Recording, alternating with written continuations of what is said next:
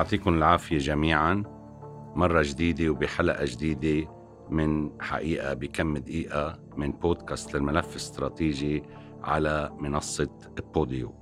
بشرفنا اليوم نستضيف الدكتور محمد بعصيري وهو بالنسبة لجميع اللبنانيين وللكثير من العرب وللكثير من أخصائيي المال في العالم شخصية غنية عن التعريف. فقد شغل الدكتور بعصيري العديد من المناصب الحساسة والمهمة في الدولة حيث كان رئيسا للجنة الرقابة على المصارف قبل أن يتبوأ مركز نائب حاكم مصرف لبنان كما شغل منصب أمين سر هيئة التحقيق الخاصة في مصرف لبنان. الموكل لها مهام مكافحة تبييض الأموال ومكافحة تمويل الإرهاب. نال ثقة المجتمع العربي والدولي والمالي عموما وتم تعيينه مستشارا مقيما لصندوق النقد الدولي في سلطنة عمان حاصل على شهاداته من جامعة نيويورك في الولايات المتحدة الأمريكية وهو أيضا أستاذ جامعي. نستضيفه اليوم من أجل وضع فاصل بين الكثير من التشويش حول الحقائق المالية في لبنان والتي نسمعها إما من أخصائيين وإما من أناس بعيدين عن دوائر صنع القرار. أهمية آه، الدكتور بعصيري أنه كان في صلب صنع القرار خلال الفترة التي سبقت الأزمة وبداية الأزمة المالية في لبنان. أهلا وسهلا فيك دكتور بعصيري. شكرا لاستضافتي وهذا بيسعدني كثير تسلم. سأبدأ بالأسئلة. السؤال الأول. ما تقويمكم لما نشر من معلومات حول إخفاء مصرف لبنان مؤشرات على بداية الانهيار المالي منذ سنة 2015 وخلال اليومين الأخيرين قرأنا في الصحافة أن هذه المؤشرات بدأت تبرز منذ العام 2011 حبذا لو تزودنا برأيك عن الأرقام المؤشرات الصحيحة في حال توفرها. بالنسبة لما ذكر في الصحف أنا عادة آه، ما كثير بحب أعمل تعليقات على أشياء أنا غير أكيد منها. كلام صحف يبقى كلام صحفي. ولكن آه، بالنسبة للمعلومات اللي ذكرت في الصحف ممكن. ما ما بعتقد أنا في كانت محاولة إخفاء لأن الإخفاء بيكون من جانب واحد ما بيكون من جانبين. يعني إذا في تقارير لصندوق النقد الدولي ما بيطلع التقرير من دون موافقة الطرفين. هيدي كقاعدة ذهبية. أما في السؤال المتعلق في المؤشرات اللي آه، كانت تؤشر إلى آه، قدوم آه، أزمة مصرفية مالية نقدية إلى آخره المؤشرات الاقتصادية كانت تنحو إلى السلب أو إلى السلبية في بداية العام 2011 أوكي؟ خصوصا عند نشوء الأزمة السورية. من هذاك الوقت بلش ميزان المدفوعات ينحو ينحو إلى السلب. يعني كأنك تقول عفوا أن هناك كان توافق بين مصرف لبنان أو الدولة اللبنانية وصندوق النقد الدولي لحكمة ما على عدم إبراز هذه الأرقام؟ أنا أنا ما بدي ما بقدر اتبنى يعني لا أتبنى ولا أرفض إنه موضوع إخفاء ما إخفاء. أنا ما عندي علم بكل صراحة إذا كان في إخفاء. فإذا أنا ما بقدر أتبنى الموضوع لا لا سلبا ولا ايجابا. ولكن في حال كان عم بتقول هذا يتم بموافقة و... ولكن عم بقول أنا كل الأرقام لما تنشر من قبل صندوقنا الدولي بيكون في توافق عليها بين كل الأطراف المعنية. سواء الصندوق نفسه أو مصرف لبنان أو الحكومة اللبنانية ممثلة بوزارة المالية. ما في إخفاء من جانب واحد. برجع مع التأكيد إنه أنا ما بتبنى نظرية الإخفاء أو عدم الإخفاء. باخذ موقف حيادي منها لا ما عندي علم بصراحة إنه كان في إخفاء. فإذا ما بقدر اتبنى موضوع الإخفاء. واضح واضح جواب سعادتك. بس على المؤشرات إذا رجعنا على المؤشرات المؤشرات بدأت تنحو إلى السلب منذ بداية العام 2011 عند نشوء الحرب في سوريا وخصوصا في موضوع ميزان المدفوعات طبعا المؤشرات كانت سلبية بتطل... وإيجابية بأوقات متعددة، نحن ما ننسى إنه كان في مؤتمر باريس واحد واثنين وثلاثة وعملوا لأن كان في أسباب جوهرية بتدعي كان لانعقاد المؤتمر لمساعدة لبنان. لبنان من, التس... من التسعينات أو عند انتهاء الحرب الأهلية لغاية اليوم مرق بفت... بفترة إعمار وفترة ازدهار اللي كان السبب الرئيس الرئيسي فيها بيعود للشهيد رفيق الحريري. ولكن بنفس الوقت لبنان مرق بخضات عديدة. لبنان ما ننسى أنه كان تحت الوصاية السورية لفترة طويلة من الزمن. وكان بالتالي كان في مشكلة بنيوية في لبنان اللي هي بتتمثل بالفساد وعدم الحوكمة اللي أدت لتراكمات عديدة سلبية من بيناتها الدين العام من بيناتها العجز المستمر سنويا بعجز العجز بموازنات الحكومات المتعاقبة. أوكي. وكان طبعا الصفقات والرشوات والفساد وانعدام الحوكمة إلى آخره كل هيدي كان تراكمات عديدة. كان تيجي الدول مثل ما ذكرت باريس واحد اثنين ثلاثة كان تساعد لبنان. بس ولكن للأسف آه، لم يقم لبنان على صعيد الدولة بأي خطوات آه، إصلاحية جذرية اللي كانت ممكن تكون كفيلة بمنع الانهيار اللي حصل وبين بينت نتائجه بشكل واضح بسنة 2000 بأواخر 2019 فإذا هي تراكمات عديدة. اللي بتتمثل بعدم الحوكمة وبالفساد إذا بدك. بالإضافة بالإضافة إلى الطبقة السياسية أوكي اللي هي كانت بمعظمها كانت متورطة بأمور فساد وإلى آخره. وما ننسى الشق السياسي اللي هو يبقى الشق الأهم. الشق الأهم إنه لبنان لو استفدت أنا بهالشرح أوكي وهذا جوهر السؤال نعم. الثاني حضرتك فت عليه بلا ما أسألك إياه هلأ بس عندي تكميل بسيط نعم. بعد ما تنتهي لننهي السؤال نعم. الثاني يعني لبنان لبنان الازمه أو السبب الرئيس الرئيسي للازمه هو هي الوضع السياسي نحن لبنان تاريخيا تقليديا جزء لا يتجزأ من العالم العربي نحن لبنان بلد عربي تمتع بعلاقات تاريخية واخويه على مدى سنين من منذ إنشاء لبنان وحتى قبل إنشاء لبنان الكبير. وفي في بداية الخمسينات وما ما تلاها من سنين توطد العلاقات لبنان مع أشقائه الخليجيين تحديدا المملكة العربية السعودية وباقي آه، دول الخليج العربي. حاليا عم نحكي نحن تقريبا في تقريبا شيء نص مليون لبناني ساكنين بالدول العربية وساهموا بنهضة آه، اقتصادات هالدول. كما هن كمان اللبنانيين استفادوا كمان من العمل في تلك الدول واستثمروا أموال و... واغتنوا وعملوا ثروات. فاذا من, من ناحية أخوية عربية جزء لا يتجزأ لبنان من العالم العربي أوكي؟ بما فيه دول الخليج العربي المملكة العربية السعودية على رأسهم. بنفس الوقت من ناحية مصلحة اقتصادية لبنان لا يمكن له أن يستغني عن مساعدة أشقاء العرب وخصوصا دول الخليج العربي. لبنان بسبب سياسات معينة ابتعد عن الحضن العربي ونحى منحى آخر وهالشيء بين بشكل واضح واضح من عدة سنوات تقدر تسميه الخروج على النظام العربي الخروج من النظام العربي نعم. هذا نعم. قلنا وهالشيء هالشيء تبين بمواقف السياسة الخارجية للبنان. هل هناك نظام بديل حتى لبنان. لو قرر لبنان الخروج من النظام العربي؟ هل هناك نظام بديل؟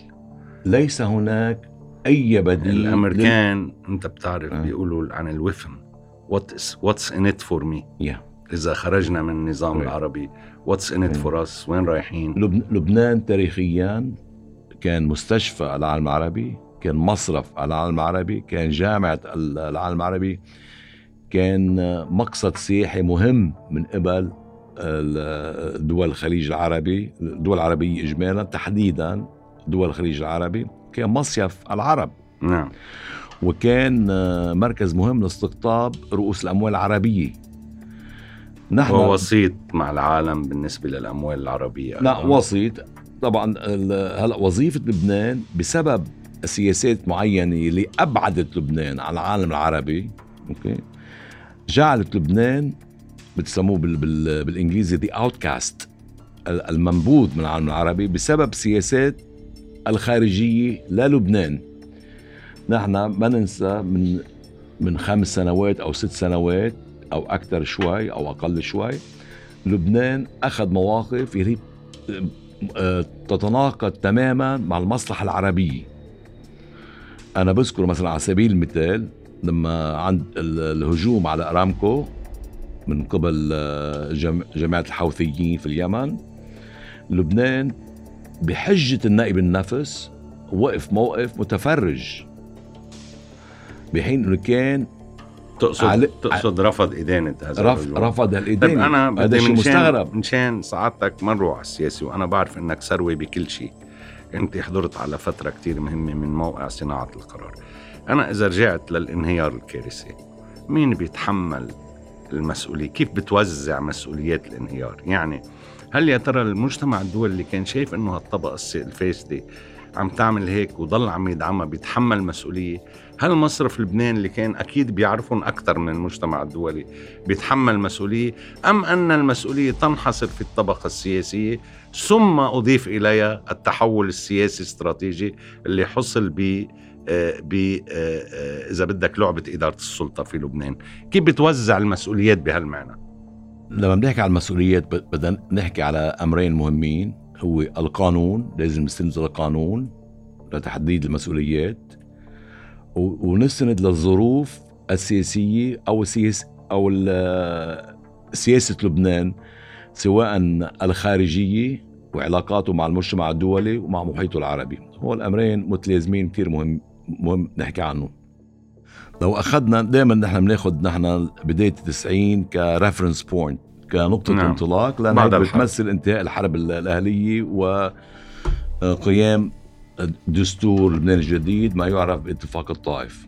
كان آه، لبنان بهذاك الوقت أي من حرب م- مدمرة استطاع لبنان بجهود آه، المخلصين والحكماء من سياسيين وعلى رأسهم كان الشهيد رفيق الحريري بعلاقاته الدولية ورؤيته للوضع. قامت نهضة عمرانية كبيرة كتير بلبنان. بقصد عمرانية ما ضروري اللي في هون بلبنان بدك الحجر والبشر. نحن ما ننسى إنه رفيق الحريري وهذا عم بحكي أمانة للتاريخ. أنفق على التعليم الجامعي تقريبا تقريبا على حوالي 40 ألف طالب من مختلف المشارب السياسية والمشارب المذهبية أو. الطائفية. فصار في نهضة عمرانية بشرية إلى آخره وخلق جو استثماري مشجع جدا للاستثمارات الخارجية. دفع لبنان مليارات الدولارات. لأن رأس المال بالنهاية جبان. إذا في استقرار يجذب الاستثمار. أما كان في عدم استقرار يهرب الاستثمار. مع وجود الحقبة السورية أوكي؟ أوكي؟ ولكن استطاع رفيق الحريري وحكومته أنه تعمل شيء ملموس على صعيد نهضة لبنان الاقتصادية في أوائل وأواسط التسعينات. ما بنكر أنا أنه كانت السياسة المالية للحكومات كان ممكن تكون أفضل بكتير لأن لجأت الحكومات كمان للاستدانة اللي هو قد تر- وهذا كان نتيجة ع- العجز في آه، ميزانيات الحكومات المتعاقبة. لما بقول الحكومات بقصد الدولة يعني الحكومات ومجلس النيابي اللي هو كان نعم. وافق على الدولة. هلا كذلك هناك من يقول نعم. إنه جزء من هذه العجوزات كان الحاجة لاستيعاب الناس المطلوب خروجها من الشارع صحيح هاي فيك تشرح لنا تضوينا عليها شوي صحيح. نحن. ما ما ننسى إنه لبنان لما قام الحرب خارج الحرب الأهلية كان في آه، نسبة كبيرة عالية من من الناس اللي كانوا بالميليشيات اللي اللي حاربوا بعض كان لابد من الدولة استيعابهم وإعادة تدريبهم فهيدا صار في عنا عدد كبير فائض من الموظفين في الدولة. فاتوا هن في كتير قسم ميليشيات أو غير الميليشيات يعني كمان. خلينا نعترف إنه استيعاب البطالة واستيعاب الميليشيات. استيعاب بطالة واستيعاب الميليشيات وأص- وأيضا المحاصصة. لأن. كان السياسيين يستغلوا مناصبهم للتوظيف لمصالح انتخابية. هي بنعترف فيها. بس صار في عنا جيش موظفين في الدولة. جيش مش ضروري جيش عسكري جيش آه، مدني. من الموظفين اللي قسم كبير منهم كان غير منتج وكان نت- نتيجة محاصصة سياسية وتوظيفات انتخابية. بالإضافة إلى الدين وخدمة الدين. العجوزات هذا أمر غير صحي خاصة في في بلد آه، يقوم اقتصاده معظمه على على الخدمات والسياحة إلى آخره. كان لابد من الاستثمار لجوء للاستثمار عدا على الاستدانة أو combination of both أوكي بالتراكم بال- بالعجوزات أوكي أدى لنشوء دين كبير اللي ترافق مع الفساد. الفساد نقطة مهمة جدا أوكي لأن في في دول عند عندها نسبة الدين للناتج القومي عالي بشكل كبير. ما بدي أقارن لبنان لليابان، اليابان من أكبر الدول اللي هي المدينة بالعالم. اللي ونسبة الدين لل- للناتج القومي بتعدى ال 200% بدي أسألك سؤال هون دقيق جدا إذا بتريد. لو شاء الله أن لا يستشهد رفيق الحريري برأيك إدارة هال هالمصيبة الاقتصادية اللي كنا واقعين فيها بسبب عجوزات الدولة وإلى آخره كان ممكن أن تكون مختلفة ولا هذا قدر خلص وقت فتنا بهالعجوزات المتراكمة؟ كنا بدنا نوصل لهون بال 2019 لا أنا أنا. أنا بعتقد التاريخ بيثبت إنه الأشخاص كاشخاص ك individuals بيقدروا يتركوا أثر كبير في مجرى أحداث الدولة تاعتهم.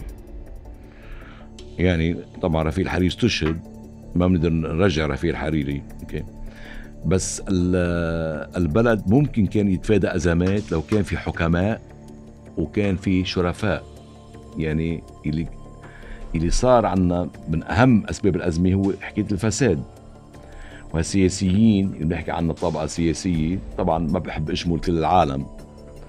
ولكن آه، قسم مهم من المسؤولين آه، ارتأوا إنه مصلحتهم الخاصة تسبق المصلحة العامة.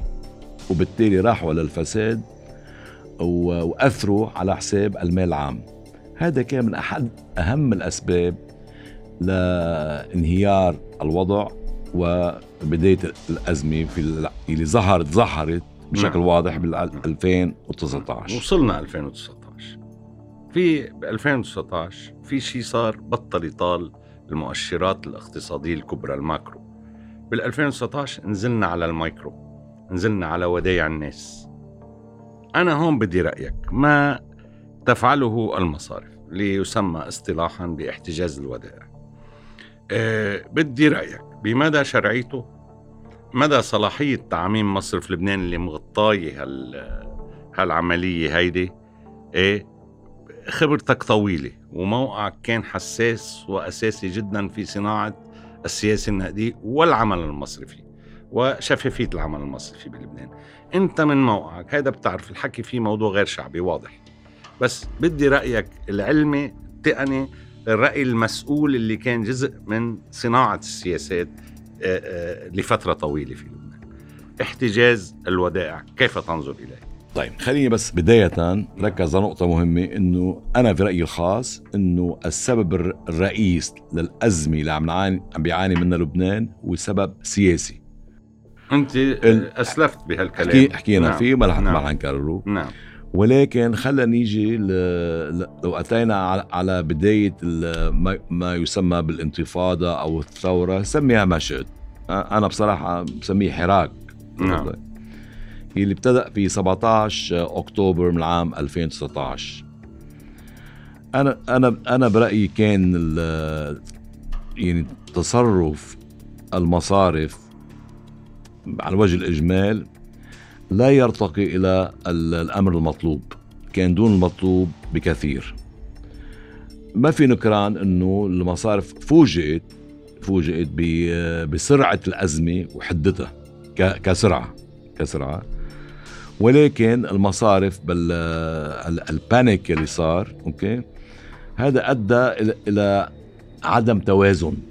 فإذا كان تصرفها خاطئ هيدا ما في نكران ابدا.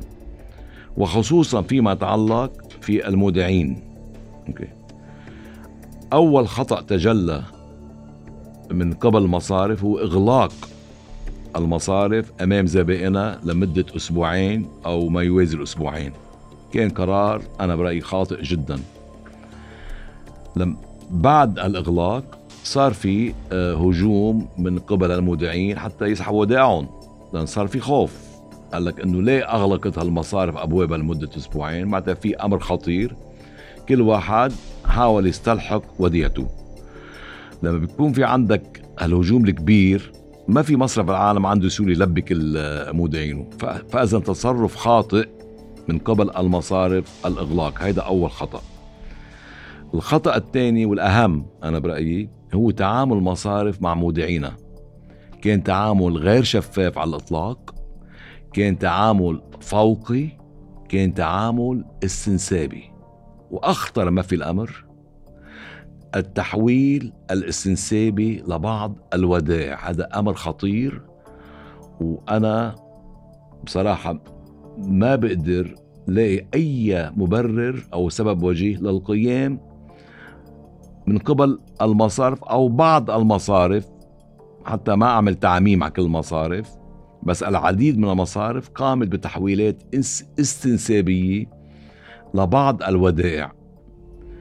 والأخطر ما في الأمر إنه بعض إدارات وأصحاب المصارف قاموا بتحويل ودائعهم الشخصية لهم ولعائلاتهم ولأقربائهم للأشخاص المقربين لهم هذا أمر خطير.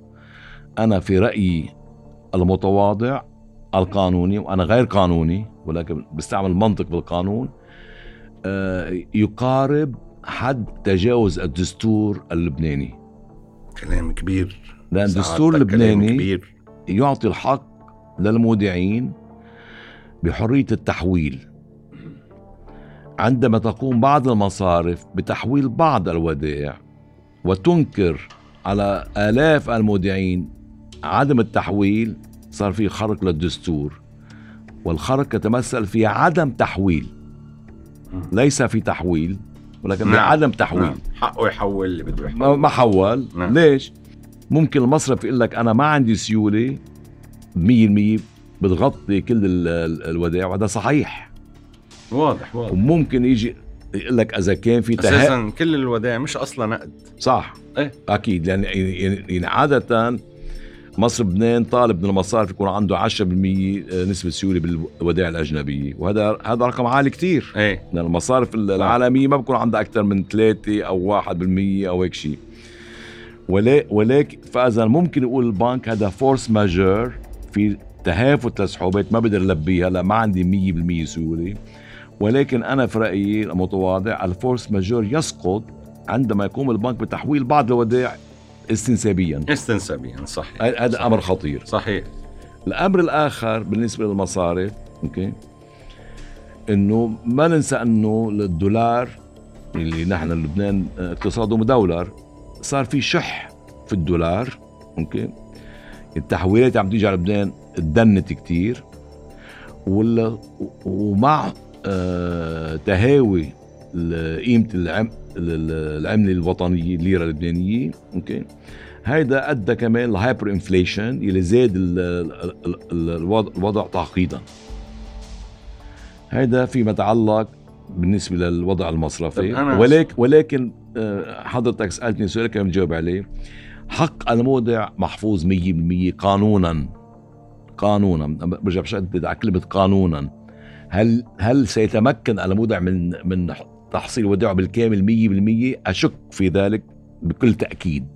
ولكن قانونا قانونا حقه مثبت في دفاتر المصرف. يعني لأقول لك شو.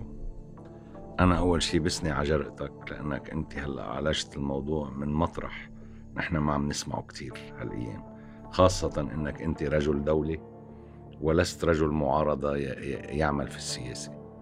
انت طرحت الموضوع من زاوية علمية وانت العالم بكل الأمور. أنا حبيت كثير المقاربة من زاوية الحوكمة والشفافية لسلوك المصارف. بس هون وين كان ال- السلطة النقدية؟ هن وعم يعملوا هيك. وين كانت السلطة النقدية؟ عم تح... عم تحكي على السلطة النقدية أو الم... رق... أو الرقابة المصرفية. نعم. مصرف مركزي اجمالا. عم تحكي تحديدا آه، آه، عند أو بعد 17 أكتوبر صح؟ صحيح. صح صحيح.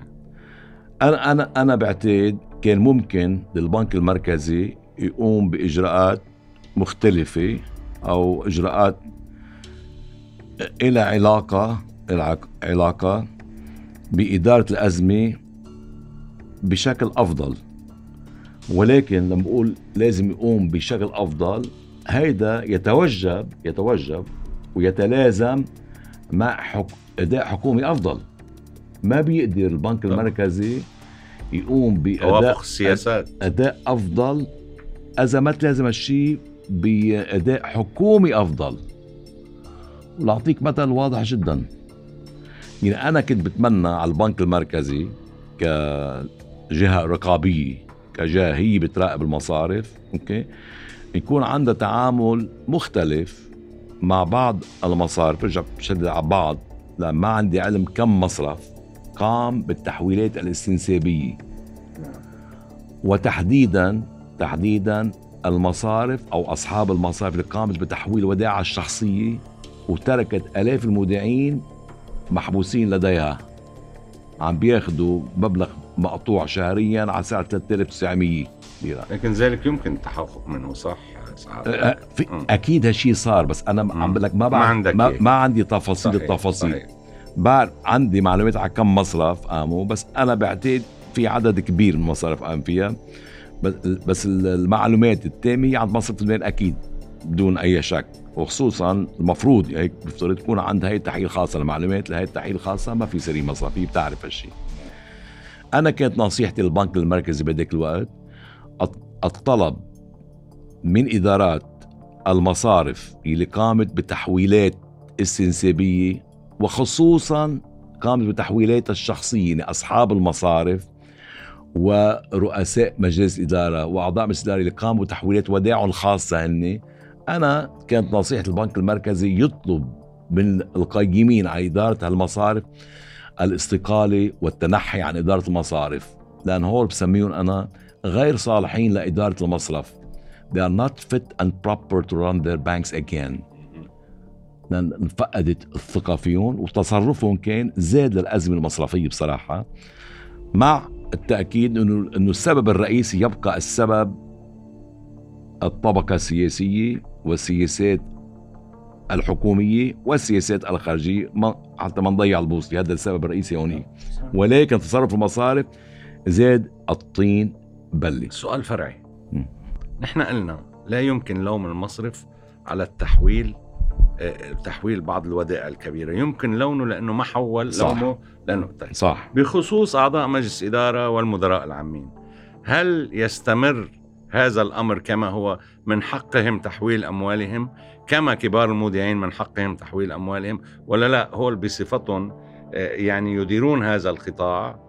لم يكن قانونا حتى من الممكن أن يسلكوا هذا السلوك أنا- أنا, نعم. حضرتك حكيت عن البعد الأخلاقي نعم بدي لا, لا, بدي لا أنا ما بس بعد أخلاقي قلت حتى نعم. بعد دستوري دستوري نعم أنا اعتبرته خرق للدستور يعني نعم. أبعد من خرق القانون نعم أنا هيك نعم. اعتبرته نعم أنا أنا بعتقد بعتقد ال- التحويلات الاستنسابية أو الانتقائية أنا برأيي عمل كان غير أخلاقي غير دستوري مم. وغير شرعي. أنا أنا هذا رأيي الخاص. نعم. لا يمكن إنه أنا كمصرف حول لزيد وامتنع التحويل لعمر. هذا الشيء ما بيجوز يعني صيف وشتاء على, على سطح واحد آه، آه، لا يساويان آه، خلينا نكون واضحين. فيما يتعلق بأصحاب المصارف وهون النقطة الأخطر. نعم. أنا كجهة رقابية أي صاحب مصرف أو رئيس مجلس إدارة مصرف أو عضو مجلس إدارة مصرف أو senior management يعني الإدارات العليا اللي قام تحويل الودائع الخاصة. في حين إنه آلاف الودائع تركت محبوسة في المصارف هون هالأشخاص مسؤولين. أضعف الإيمان أضعف الإيمان أن يطلب لهم إنه يستقيلوا من مراكزهم. أضعف الإيمان ويمكن أنا بضيف عليها شغلة. كمان يحالوا إلى القضاء. لأن أنت عم تحكي على مليارات دولارات محبوسة بالمصارف.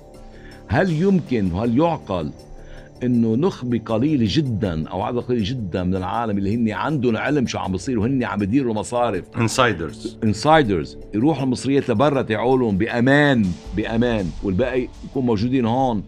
وأي recovery plan بكرة بتيجي من أي حكومة ينطبع عليهم ال haircut وهيك ما انطبع ال haircut هذا هذا جرم جرم أساسي. أنا في نقطة كمان كنت حابب أقولها. نعم قلت إنه مصرف لبنان تصرفه ممكن يكون أفضل بس ولكن كان بتطلب تلازم أفضل من قبل الحكومة backing سياسي. لأقول لك ليه وين المشكلة؟ لأن الحكومة شو قامت؟ حكومة الرئيس دياب قامت بعدة أخطاء. يعني أول خطأ الجسيم هو بإعلان توقف على الدفع للدائنين حاملين سندات ال Eurobonds قبل التفاوض معهم. هذه أمر خطير جدا. بس أنا برأيي لا يقل خطوره هو برنامج الدعم. برنامج الدعم اللي قامت فيه حكومة الرئيس دياب يلي نتج عنه نتج عنه آه، إثراء لعدد كبير من المافيات عن طريق التهريب إلى سوريا وغير سوريا. فتح أرزاق جديدة للمافيا بعد للما... للمافيا نحن على سنة ونص أو على سنتين إذا قلنا كنا بحدود الدعم 6 مليار عم تحكي على 12 مليار. أنا أنا بعتقد في شي 8 مليار دولار راحوا هيك يعني الضياع ضاعوا أو سرقوا أو سرقوا. هل نستطيع أن نتخيل أنه 8 مليار دولار لو وضعناهم في برنامج منتج استثمارات بمشروع كهرباء؟ مزبوط؟ أنا طلبت من أكثر من سنة بشيء كنت سميته أول شيء أنا مثل food stamps food stamps أو كوبون بعدين قالوا إنه هيدي بطاقات تمويلية. أنا مم. ما كان عندي نعم. الكلمة هيدي قلت كوبون بدي بدل ما تدعم البضاعه دعم, دعم الأشخاص. أنا أنا كان عندي اقتراح إن ندعم تقريبا 800 ألف عائلة بلبنان بدك وقت الحكي من سنة من سنة من سنة. إيه. 800 ألف عائلة عم تحكي تقريبا إذا معدل خمسة بالعائلة عم تحكي 4 مليون تقريبا دعمت كل الشعب اللبناني تقريبا plus or minus لو هال 800 ألف دعمتها ب 200 دولار بالشهر 200 دولار بهداك الوقت كنت عم تحكي 160 مليون دولار دعم. هيدا versus خم 500 مليون دولار كان عم تدفع شهريا دعم البضائع. عم تتهرب. عم تهرب. شو كنت عملت؟ كنت هال 160 مليون قطعتها للعالم. كان صرفتها بالسوق كمان. كان دراسة حركت في بالسوق. الدورة. حركت الدورة بالإضافة إنه يستفادوا على صعيد الأمان الاجتماعي. وهال 340 مليون توفير الشهري من أصل ال 500 كان وضع برامج إنمائية آه، آه، اجتماعية إلى آخره. كنا استفدنا فيهم. لا دعمت البضائع دعمت البضائع. وللعلم الشيء المضحك المبكي إنه الكافيار كان مدعوم. نعم. بداية. البرنامج كان الكافيار. للأسف للأسف. إيه؟ آه، سعادتك. آه، خلصنا لحد هون الحلقة الأولى من آه، البودكاست الملف استراتيجي حول الأزمة المالية واللي شرفنا فيها باستضافتك.